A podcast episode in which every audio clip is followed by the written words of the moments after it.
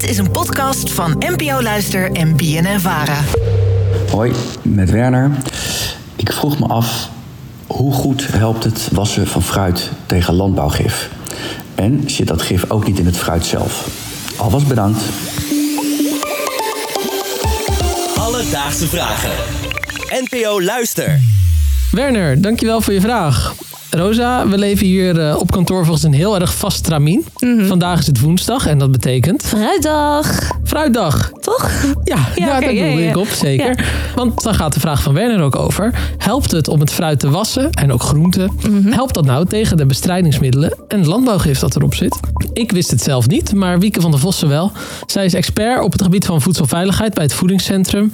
Dus Wieke, hoe zit dat met bestrijdingsmiddelen op het fruit? Ja, nou, het wassen van fruit en groente is altijd wel een goed idee. Al is het maar om het vuil en stof. Maar de bestrijdingsmiddelen, die was je er niet helemaal vanaf. Die zijn eigenlijk zo gemaakt dat ze ja, echt heel goed hechten aan, eh, aan het fruit. Eh, Ze moeten namelijk ook tegen een eh, regenbuitje kunnen buiten. En, eh, en sommige die trekken ook door de schil in het fruit. Dus eh, die, eh, het, het kan wel iets helpen, maar je wast het er nooit helemaal vanaf. Dat vind ik toch een spannend antwoord, merk ik. Ja, maar eigenlijk ook wel een logisch antwoord. Want wat Wieke zegt over die regenbui, ja... Ja, Als het ieder regenbuisje ervan afspoelt, dan blijft de boer bezig. absoluut. Maar is het dan niet heel slecht voor ons, dat gif wat erin zit? Daar komen we zo op terug. Werner vroeg zich namelijk ook nog iets anders af. Want ja, je kan je wassen tot je een ons weegt, maar zitten die middelen ook niet al in het fruit? Nou, de bestrijdingsmiddelen die kunnen ook wel in het fruit trekken. Over het algemeen zitten ze trouwens wel iets meer aan de buitenkant dan eh, erin. Maar eh, dat kan inderdaad wel, eh, wel gebeuren. En eh, hangt ook wel van het soort fruit af. Hè. Bijvoorbeeld de sinaasappel heeft een hele harde, dikke schil. Dan zal het met name aan de schil zitten.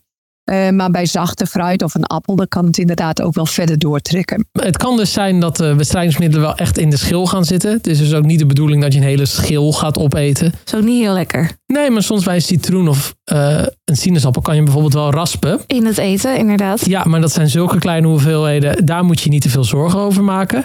Moet je dan wel zorgen maken over de middelen die in het fruit trekken? Nou, niet per se, legt Wieke uit. Nou, er is wel hele strenge wetgeving, gelukkig, als het gaat om eh, bestrijdingsmiddelen. Dus er zijn bepaalde limieten. Die zijn eh, afgesproken in Europa, wat er eigenlijk aan resten van bestrijdingsmiddelen op het groente en fruit mag achterblijven. En gelukkig zien we ook uit eh, al die analyses dat bijna alle groente en fruit daar ook al voldoet.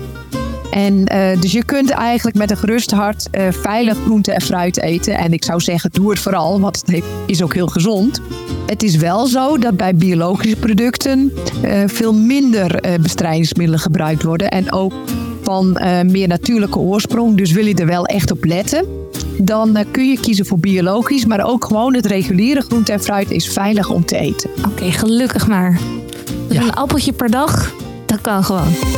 Alledaagse vragen. Ja, Rosa, we horen over allerlei regels. Voor hier in Nederland. Dat zijn Europese regels, dus voor hier in Europa. Mhm. Maar lang niet al het fruit dat we hier eten wordt ook hier gemaakt. Nee, dat klopt. Hoe zit dat dan? Nou, in het land zelf kan het wel anders zijn. Eh, maar we hebben ook heel veel importfruit. Hè? Bijvoorbeeld, nou ja, de bananen komen uit, eh, uit Zuid-Amerika of de sinaasappels. Eh, die moeten aan diezelfde limieten voldoen die in de Europese wetgeving staat. Dus als het niet eraan voldoet, dan wordt het gewoon eh, afgekeurd en van de markt gehaald. Dus eh, wat dat betreft moeten ze aan dezelfde eisen voldoen. Maar ben je in het land zelf, ben je in Brazilië, ja, dan kan het inderdaad wel wat anders zijn dan in Europa. Heb je wel eens fruit in een ander land gegeten? Ja, ik was op vakantie en daar heb ik wel zo'n cactusfruit op. Heb je dat wel eens gegeten? Nee, nog nooit. Ja, dat is lekker hoor. Ja? Aanrader voor elke luisteraar. Dus Werner, je groente en fruit wassen, ja, dat is natuurlijk altijd een goed idee. Maar bestrijdingsmiddelen, die was je er niet mee af. Viezigheid en stof wel. Zitten die middelen dan niet in het fruit? Jawel, maar dat blijft beperkt door allerlei regelgeving. Bij fruit met harde schil, zoals een sinaasappel, is dat sowieso minder het geval dan bij zacht fruit, zoals een aardbei. Heb je nou ook een vraag? Stuur dan een berichtje op Instagram, het Alledaagse Vragen. Of stuur een mailtje naar alledaagsevragen.bnnvara.nl en dan zoeken we het voor je uit. Alledaagse vragen. NPO Luister. BNN Vara. Je lijkt ook wel een beetje op een aardbei in dit paarse licht waar we in zitten. Dankjewel. We hadden het al op willen, willen lijken met mooie poriën, groene poriën.